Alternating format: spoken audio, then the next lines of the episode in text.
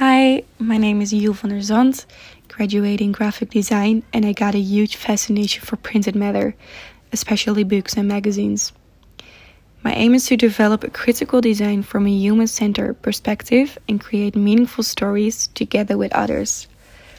Besides that, I am questioning social contradictions and translate it to no nonsense design. In front of you, you can see my two graduation projects a set zines called Passage, and in the back, you see Sense of Space SOS, a manifesto and signs. Although these are two separate projects, they have some things in common because both are focusing on their surroundings but in a slight different way. Sense of Space SOS visualize a method of getting lost in a western city by using different colors and shapes in combination with words. I hope to make you feel unfamiliar with the familiar things in a city.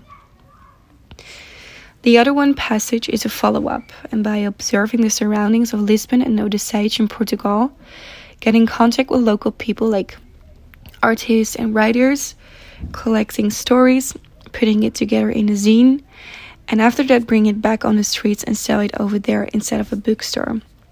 I hope to reach non art lovers as well as art lovers or people who normally don't often go to a bookstore to inspire them with these stories and artworks